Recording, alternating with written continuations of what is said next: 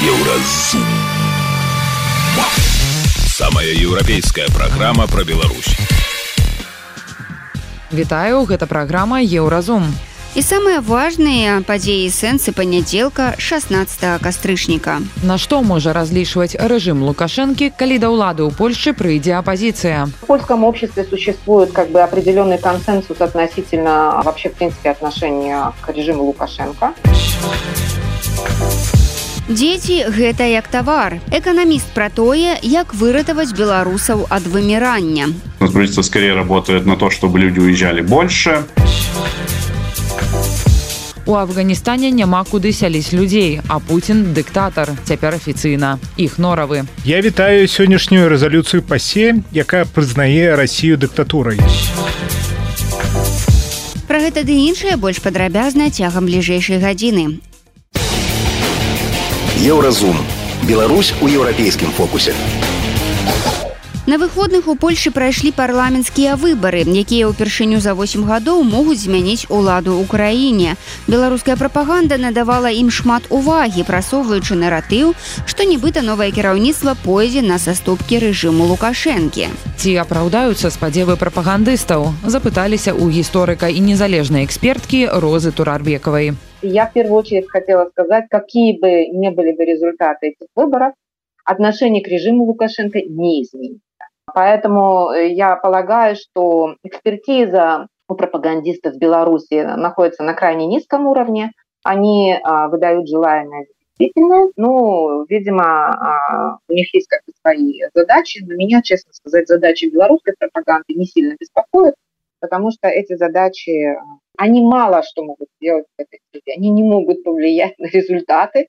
И даже если бы они могли повлиять на результаты, эти результаты э, не принесли бы ничего Лукашенко хорошего. Пусть, э, как говорится, они не воображают. А давайте патлумачым, чаму гэтыя вынікі нічога Лукашенко добрага не прынясуць. Я думаю, что в польском обществе существует как бы определенный консенсус относительно вообще, в принципе, отношения к режиму Лукашенко. А, потому что польская диаспора в Беларуси не только как бы речь идет о демократии, речь идет о защите прав человека, не только о ухудшающихся отношениях двустороннего характера, я имею в виду, да, и кризис э, с мигрантами, и напряжение, которое нарастало на границе в связи с ЧВК «Вагнер» и размещением ядерного оружия, тактического ядерного оружия, не только в связи с ролью а, режима Лукашенко в войне а, России против Украины, все это вместе, если сложить, э, то уже достаточно для того, чтобы у польского общества был абсолютный консенсус в отношении режима Лукашенко, сугубо негативный. Но помимо всего прочего, а что касается положения польского меньшинства в Беларуси, ну, оно просто находится в таком очень плачевном состоянии. Я имею в виду и, конечно, то, что закрываются польские, закрылись польские школы, и то, как преследуется католическое а, меньшинство, оно очень условное меньшинство, потому что на самом деле э, католиков в Беларуси очень много. А, я думаю, э, э, симпатии поляков на стороне не только своих, как бы я имею в виду, да, польской диаспору в Беларуси, но и своих, я имею в виду, единоверцев, я в первую очередь католиков, да, вот. И, и то, что происходило в отношении могил э, польских да, погибших солдатов и этих кладбищ, а, ну, это непростительная вообще вещь, просто непростительная. Поэтому я не знаю, из какого пальца высосано у белорусской пропаганды этот тезис относительно того, что результаты а, выборов в Польше парламентские каким-то образом могут изменить отношение к Беларуси. Вначале режим должен изменить отношение в Польше к польскому меньшинству, ну и там по нисходящей. Там список требований, претензий настолько серьезный и длинный, что я даже не, не, ну, не начну его помню соглашать. Я думаю, вам он известен. Ну а пакуль палякі стаялі ў вялізных чэргах, каб прагаласаваць на выбарах, участкі працавалі нават да трэцяй ночы, каб усе маглі прагаласаваць. Лукашенко вяртаўся з бішкеку, дзе прайшоў саміт краін СНД. Мэтай правядзення гэтага мерапрыемства было павелічэнне ролі садружнасці ў свеце. Ці дасягнулі яе лідары краін, сустрэўшыся ў Кыргызстане, працягвае Роза Турарбекова.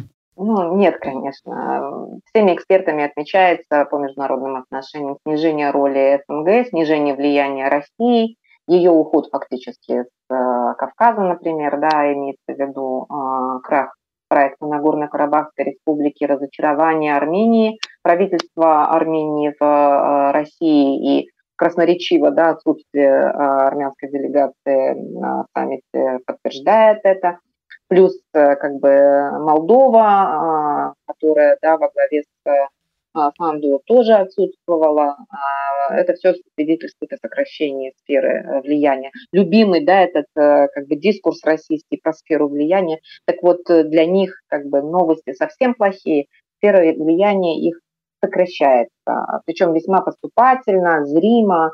именно вот за этот период, период э, не только войны, но и последний вот этот вот год, я имею в виду 2020 А што удзельнікі вось тыя хто сабраўся так хацелі ўсё ж прадэманстраваць што там гэты саюз яшчэ неяк там існуе так пра што былі вось гэтыя кулуарныя перамовы што апублікаваў пол першага маўляў там недзе алеев Путін лукашенко пра нешта гаварылі што гэта можа быць не знаю, мне кажется, это все напоминает какую-то мифологию, да, которая там потом э, с трудом подтверждается.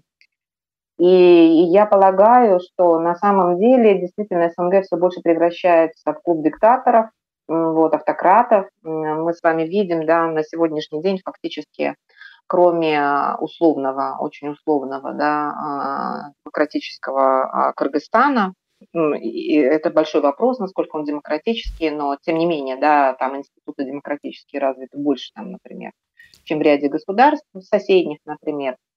А, вот. Э, Все, кроме них э, больше никто не остался. Я имею в виду э, тех стран, где действительно существуют демократические институты. Это весьма показательно. Потому что Армения все-таки, как ни крути, была страной с определенными демократическими да, традициями и институтами. Молдова та же самая, да, тоже в общем и целом, где демократические институты функционируют, они работающие, а вот э, их нет сейчас в СНГ. В СНГ остались страны с э, достаточно сомнительной да, политической э, историей, или как бы страны, где провозглашены политические реформы, но пока еще их результаты не очевидны. Я, в частности, имею в виду Казахстан, да. Вот. Но весьма показательным является, конечно, эта дискуссия относительно статуса русского языка. Угу. Эти э, намеки Лукашенко Очевидно, эти намеки были на Казахстан, кстати говоря. В свете, помните, высланного этого российского консула из Алматы. А, вот, то есть э, там много чего интересного, как мне кажется, происходит. Но они не могут не собраться, потому что это как ритуал, да. Каждый год, там, 31 декабря, они собираются в бане, да. Извините за это сравнение. А, у них ежегодный саммит, они встречаются, это такой определенный ритуал, и за, заодно как бы поддерж, поддержка и заявление, выражение лояльности в отношении России. А вот э, страны Центральной Азии стараются очень мягко как бы не обострять отношения, но внутри, э, внутри стран этих политика дерусификации, десоветизации, деколонизации продолжается причем усиливается в некоторых странах. Я имею в виду в первую очередь Казахстан. Я думаю, вы видите и отслеживаете. Очень много пишет про это, например, западная пресса, mm-hmm. про то, что делается сейчас в Казахстане. А вот там много чего интересного делается именно в плане деколонизации, десоветизации истории и в целом общества. Вот, поэтому, ну, что я могу сказать? Для Путина, Путину остается только одно – делать хорошую мину при плохой игре. Игра очень плохая, с плохими результатами. То, что Лукашенко там а, как бы вопит, он в первую очередь не имеет в виду реальный результат. Он пытается доказать Путину, что никого, кроме него, любимого, единственного у Путина не может быть другого союзника. Это понятно. Он получил уже неоднократно отпор э, со стороны своих коллег – а, вот, в разных степенях, там, в разных формах. Раньше это был Пашинян, сейчас это все больше и больше, так я вижу, Такаев. А Мирзиёев молчит, потому что его это, честно говоря, мало волнует, беспокоит. Он не является, его страна Узбекистан не является ни членом ОДКБ, ни членом Евразийского экономического союза.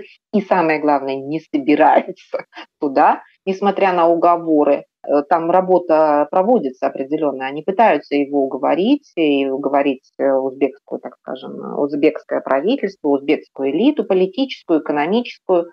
А вот, там много делает э, для этого, но безрезультатно. Цяпер Лукашенко рыхтуецца да прыёму першага віцэ-прэзідэнта Ірана Махамада махбера чаму менавіта вось у дадзены момант у Беларусь едзе іранскі палітык і ці па гэтай прычыне лукашенко ніяк не каментуе сітуацыю ў Ізраілі Вось што думае на гэты конт роза турарбекова Нет, я думаю, что дело не в этом. Дело э, в другом. Мне кажется, что в свое время Лукашенко очень сильно обжегся, когда допустил вот эти антисемитские высказывания. Это была достаточно давняя история. И я не знаю уже, еще раз повторюсь, я уже не знаю, что-то там ему передавали, какую весточку из Тель-Авива или еще откуда, но он свою ситуацию только усугубит э, с точки зрения международной, да, потому что еврейскими а, общинами в любом формате, виде, да, а не, то, чтобы ну, как бы портить отношения нельзя, это мавитон, да, вот что касается там, Холокоста, антисемитизма и так далее и тому подобное. Если вы хотите себе окончательно испортить репутацию, да, то, ну, давайте вперед двигайтесь. Вот. Видимо, Лукашенко как-то вот у них что-то еще осталось, да, там сдерживающие какие-то факторы остались. Мне кажется, что дело в этом. Но при всем при этом а, совершенно очевидно, на чьей стороне он находится. Угу. Так, а ці можна казаць, што вось гэты візіт паставіць кропку ўжо ў ізраільска-беларускіх адносінах? Не, не думаю. Я думаю, что израильское правительство, оно очень много заявляет, э, как бы, а потом а, это быстренько назад отматывает. Ну, белорусские же военные не будут принимать участие в боях на стороне, не знаю, Ирана и Хизбаллы. Навряд ли, да. Вот. Если будет там обнаружено какое-то белорусское оружие, да навряд ли. Иран сам производит это оружие. Я думаю, что э, касается визита э, этого вице-президента, ну, этот визит, я думаю, был запланирован, но он касается белорусско-иранских отношений, и, возможно, он касается вопросов, связанных с а, оружием а, для России против Украины. Там, я не знаю, может быть такая история. Но я хочу сказать, что отношения между Беларусью и Ираном находятся на столь низком а, уровне с точки зрения экономического да, развития и только с точки зрения вообще, в принципе, кооперации, да, что все их планы, они потом большим треском проваливались. Я на это лично смотрю достаточно скептически. Ну и что, что вице-президент? В иерархии, политической иерархии Исламской Республики Иран, ну, это позиция, ну, я не знаю, там, есть первый эшелон, второй эшелон, а это там третий, четвертый эшелон. А, поэтому это не очень влиятельный человек. Вице-президент, есть еще президент, а президент не глава государства в Иране. В Иране глава государства Рахбара, Яталах Аминии. Понимаете, это президентов там меняют, а э, самый главный там человек не, не президент, а это Рахбар, Аятолла Хаминеи. Вот когда Аятолла Хаминеи приедет, тогда, может быть, и поговорим. Вот. Но это как Си Цзиньпинь, понимаете? Если приезжает Си Цзиньпинь, то тогда все понятно, да, уровень, да, установления отношений, к этому времени готовят определенные документы, это должно там, это исторический визит, действительно, это должно что-то значить. Это как вице-премьер, приедет там какой-нибудь крутой туда, в, в Иран. Ну, это что, серьезно? Нет. Ну, Лукашенко приедет в Иран, ну, может, тогда поговорим, там что-то будет. Но, честно говоря, судя по товарообороту, потому что у них там все заваливает, 54 миллиона долларов товарооборот. Ну, смешно. Пока говорить нечего. Мы слухали розу турарбекаву незалежная экспертка патлумачыла ці варта звяртаць увагу на візіт віцэ-прэзідэнта ірану ў Беларусь а яшчэ пракаментавала сходку лідара ўкраіны сэнД у бішкеку і значэнне выбараў у Польшы для Беларусі. Далей у праграме еўразум дзеці гэта як тавар. Эканаміст пра тое як выратаваць беларусаў ад вымірання. Правительство скорее работает на то чтобы люди уезжали больше У Афганістане няма куды сяліць людзей, а Пуін дыктатар. Цяпер ужо афіцыйна. Іх норавы. Я вітаю сённяшнюю рэзалюцыю пасе, якая прызнае Расію дыктатурай. Сустрэнемся пасля музычнай паўзы і навінаў спорту.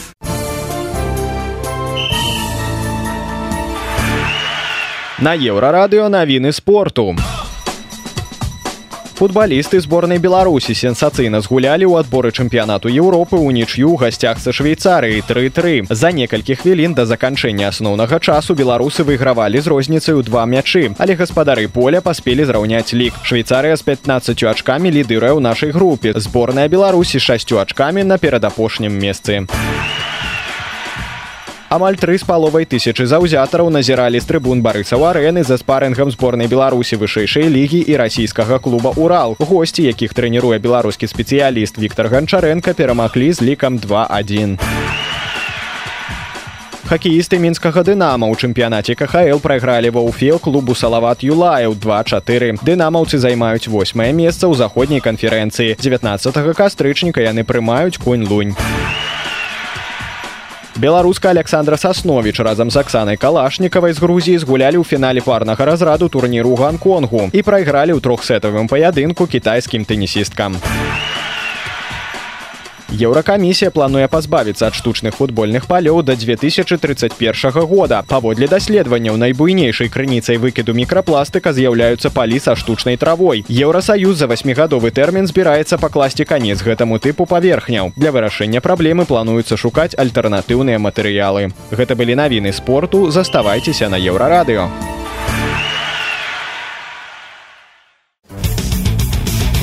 Еўразум жыві ў рытме Еўропы. Беларусы выміраюць апошнія 30 гадоў. Калі так будзе працягвацца, то да 2100 года пры базавым сцэнары людзей у краіне застанецца ўсяго 4 мільёны 380 тысяч чалавек. І тое гэта калі дадому вернуцца імігранты. А калі не вернуцца, то 4 мільёны 280 тысяч чалавек. Пры аптымістычным сцэнарыі у Беларусі будзе жыць 6 мільёнаў 190 тысяч чалавек. Такія лічбы прыводзіць акадэмічны дырэктар бюрок Леў Львоўскі. Паводле перапісу ў 2019 годзе ў нашай краіне пражывала 9 мільёнаў 410 тысяч беларусаў. Сітуацыю можна змяніць, але старыя метады падтрымкі сем'яў накшталт дзіцячых дапамог і льготных крэдытаў на жыллё больш не працуюць. Расказваем, чаму беларусы не хочуць заводзіць дзяцей і як гэта можна выправіць. Падрабязнасці ў рэпартажы рэпартажы еўрарадыё. Леў Львоўскі вылучае тры асноўныя праблемы беларускай дэмаграфіі. Першая людзі проста выміраюць натуральным чынам. Другая насельніцтва старые, кажа эканаміст у нас не просто сокращается э, количество э, людей, э, но у нас э, гораздо более быстрыми темпами сокращается число рабочих рук, то есть количество людей в трудоспособном возрасте. И третья проблема – демографичные хвали. То есть население у нас сокращается неравномерно, а проходит э, одно поколение, которое больше, следующее поколение меньше, э, и следующее там, э, чуть больше. То есть э, падение населения, оно происходит не планомерно, а такими волнами. Это отдельная дополнительная проблема э, для экономики. Э, ну, самое простое, э, что она вызывает, это постоянный недостаток или перерасход ресурсов. Ну, скажем, если вам нужно иметь столько-то детских садов на 100 тысяч новорожденных детей, то у вас из-за демографических волн оказывается то лишние детские сады, они там 10 лет детский сад не пользуется спросом, стоит пустой, через 10 лет, наоборот, у вас э, больше э, демографическая волна, и вам не хватает детских садов, и теперь они все переполнены. Э, из-за вот этого постоянного изменения спроса на ресурсы, эти все ресурсы, они удорожаются. Каб вырашыць гэтыя праблемы, трэба, каб людзі заводзілі больш дзяцей. Але гэта не так лёгка. З пункту гледжання эканомікі дзіця гэта даброта, якую людзі могуць ці не могуць сабе дазволіць Робіць. У адрозненне ад машыны або іншых дабротаў на дзіця недастаткова выдаткоўваць толькі грошы. Яшчэ адна цана, якую бацькам трэба плаціць за дзіця гэта час, працягвае Леў Львоўскі. С ребенком нужно проводить время, нужно учить, читать сказки, кататься на велосипеде и все остальное. Э, собственно, э, вот, это две цены. И вторая особенность ребенка как блага состоит в том, что ребенок приносит больше блага обществу, чем только родителям. Понятно, что родители рады, что у них появился ребенок, но э, уже после того, как ребенок вырастет, родители, возможно, уже отойдут в мир иной, ребенок все еще будет жить, создавать товары, услуги, потреблять, платить налоги э, и так далее.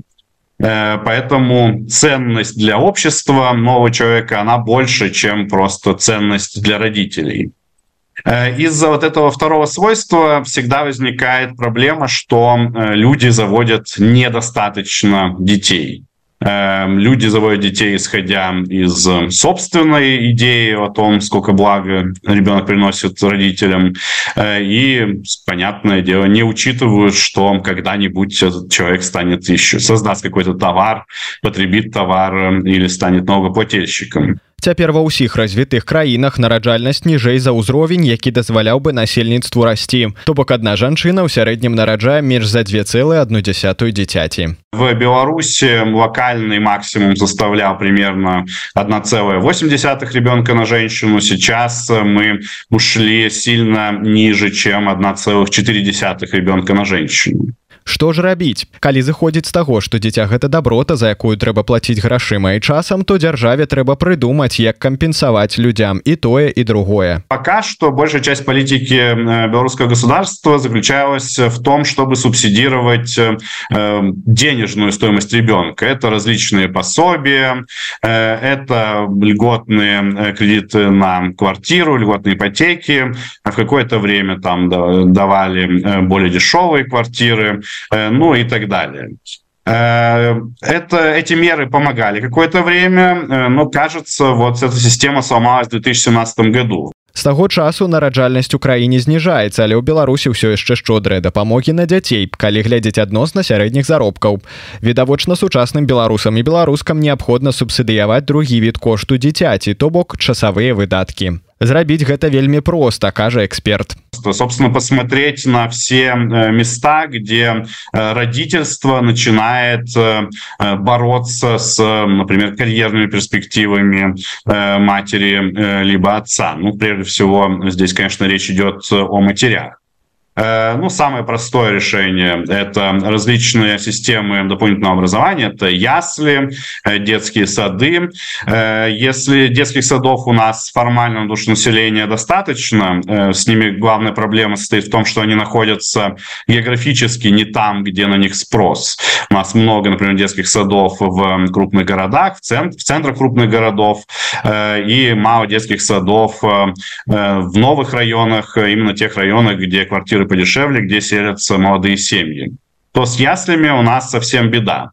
Э, из самого длинного оплачиваемого декрета в мире, э, три года, э, у нас сформировалась и культурная норма, что родители должны сидеть с детьми до трех лет.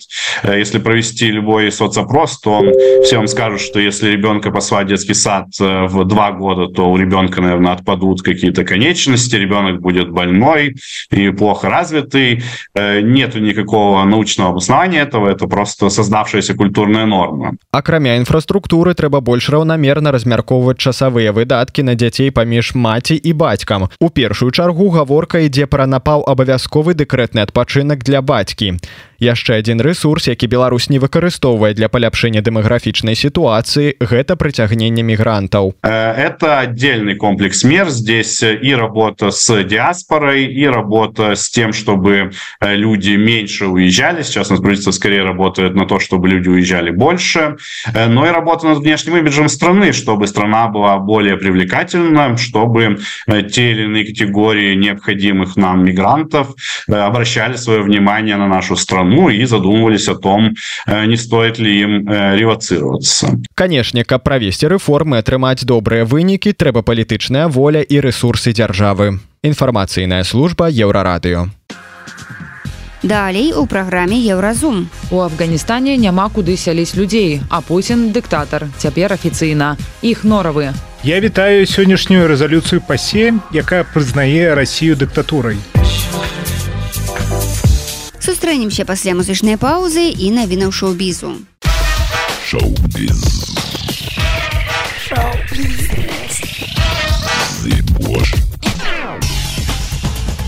навіны шоу-бізу на еўрарадыё У эксклюзіўным інтэрв'ю аўтары серыяла рэкі морці расказалі аб замене галоўнага голаса Джасціна Ройланда навічкамі Янам кардоні і гары белданам. Шоуранер Скотт Мардер хоча зрабіць змены як мага больш плыўна, каб гледачы не заўважылі розніцы ў персанажах. Мардер і суаўтор Хармон вырашылі зрабіць два галасы галоўных герояў рэкай морці замест аднаго агульнага. Як адзін з варыянтаў падоўжыць жыццё шоу на некалькі гадоў. Пакуль працягваецца страйк актораў ні кардоні, ні белдан не далі яшчэ інтэрв'ю. Ow!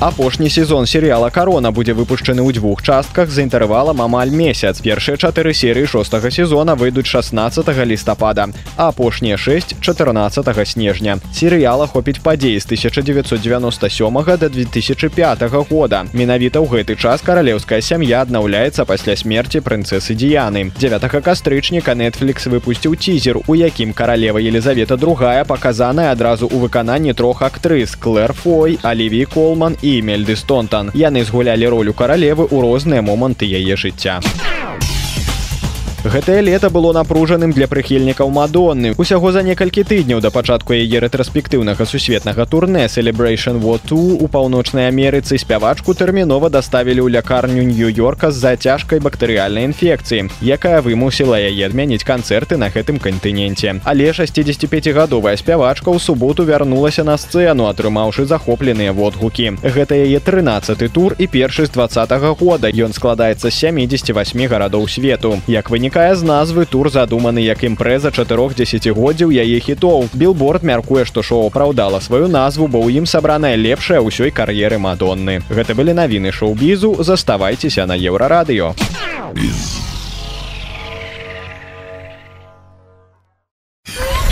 Еўрарадыё кропка фм у пакуль палякі збіраліся на выбары ўсім і сенат а ізраілі газа абменьваліся авіяударамі у афганістане адбылося тры землятрусы яны забралі жыцці больш за 2000 чалавек Трэці землятрус прынёс немат ахвяр, бо людзі, напужаныя папярэднімі штуршкамі спалі не ў дамах, а ў намётах. Яны панікуюць і траўмаваныя, кажа дырэктар праграмы лекары без межаў у Афганістане. Яны не адчуваюць сябе ў бяспецы. Запэўніваю вас на 100соткаў, што ў дамах спаць ніхто не будзе. Пры гэтым у краіне надыходзяць халады і пакуль прадстаўнікі талібана, якія кіруюць Афганістанам з 2021 года, не ведаюць, куды сяліць людзей, якія засталіся без даху. Першы першы землятрусы шматлікія другасныя штуршкі у суботу сёмага кастрычніка а таксама другі землятрус магнітудай у 63 балы які адбыўся праз 5 дзён зраўнялі зямлёй вёскі разбурыўшы сотні дамоў з сырцовай цэглы школы паліклінікі і іншыя грамадскія будынкі таксама абрынуліся колькасць пацярпелых жыхароў вёсак якія засталіся ў жывых значна меншая за колькасць добраахвотнікаў якія дапамагаюць разбіраць завалы і рыць брацкія магілы чым я яшчэ жыў свет у апошнія дні распавядаем пра гэта ў нашай традыцыйнай рубрыцы іх норавы Владзімир Путін стаў дыктатарам. Гэта здаецца ні для кого не сакрэт, але цяпер такі тытул ён атрымаў афіцыйна. Пра гэта не толькі ў нашым традыцыйным аглядзе міжнародных навін. Парламенская асамблея Савета Еўропы прызнала Расію дыктатурай і заклікала ўсе дзяржавы Савета Еўропы не прызнаваць легітымнасць кіраўніка РФ Владзімира Пуціна пасля заканчэння яго дзейнага тэрміну. Пра гэта паведамляецца ў тэлеграм міністэрства замежных спраў Украіны са спасылкай на кіраўніка ведомства Дмітрая Кулебу, які выказаў выказаў падзяку пасе за моцнае галасаванне. Я вітаю сённяшнюю рэзалюцыю пасе, якая прызнае рассію дыктатурай. Больш за 20 гадоў неканстытуцыйнага аднаасобнага кіравання прывялі да злачынства ў краіне і за яе межамі. За прыняцце рэзалюцыі прагаласавалі 43 еўрадэпутаты. Адзначаецца, што працэдура ўнясення змен у канстытуцыю РФ, якія далі магчымасць Пуціну заставацца ва ўладзе да 2036 года, супярэчыла самой канстытуцыі рассіі. Нас абвясціла пра першыя вынікі аналізу грунту з астэроіда Бэну, сабранага на адлегласці трох мільярдаў кіламетраў ад нашай планеты і дастаўленага на зямлю амаль тры тыдні таму. Даследаванні хімічнага складу міжзорнага пылу паказалі наяўнасць там вялікай колькасці вугляроду і вады. А гэта азначае, што там не выключаная і прысутнасць арганічных злучэнняў, так званых бутаўнейшых блокаў жыцця, з якімі створанае ўсё жывое, уключаючы нас з вами. Паводле навукоўцаў з універсітэта Арызоны, якія праводзілі аналіз гэта адкрыццё ускоснае пацвярджэнне гіпотэзы згодна з якой жыццё не зарадзілася на нашай планеце а было занесенае на зямлю з космосу Улады Францыі забаранілі любыя дэманстрацыю падтрымку палестынцаў, патлумачыўшы гэтае рашэнне тым, што такія акцыі пагаршаюць грамадскі парадак. Акрамя таго, праз усплёск антысеміцкіх настрояў пасля нападу Хамас на Ізраіль да дэпутатаў парламента, звязаных з Ізраілем, прыстаўленая ахова. Міністр унутраных спраў Жеральд Дарманен у сваім распараджэнні заявіў, што антыізраільскія выступленні могуць прывесці да парушэння грамадскага парадку. Тым, хто ўсё ж спрабуе арганізаваць такія акцыі, пагражае Арышт. Мы безумоўна паважаем інтарэсы палестынцаў. Францыя заўсёды выступала за дзве дзяржавы ізраільскую і палестынскую. Але калі дэманстрацыя ў падтрымку Хамас, то адказ не. У апошнія дні ў Францыі, як і ў шэрагу іншых еўрапейскіх краін прайшлі акцыі пра палестынскіх і левых рухаў з асуджэннем Ізраіля. У чацвер у Парыжа адбылася такая дэманстрацыя, нягледзячы на раней уведзеную мэрыяй горада забарону. Мехасілін еўрарадыё. Еўрарадыё. Твая улюбёная хваля. Гэта была праграма Еўразум, штодзённы інфармацыйны падкаст еўрарадыё. Кожны дзень мы распавядаем пра галоўныя навіны Беларусі і свету. А сённяшні выпуск скончаны. Беражыце сябе. Пачуемся. Еўразум. Самая еўрапейская праграма пра Беларусь.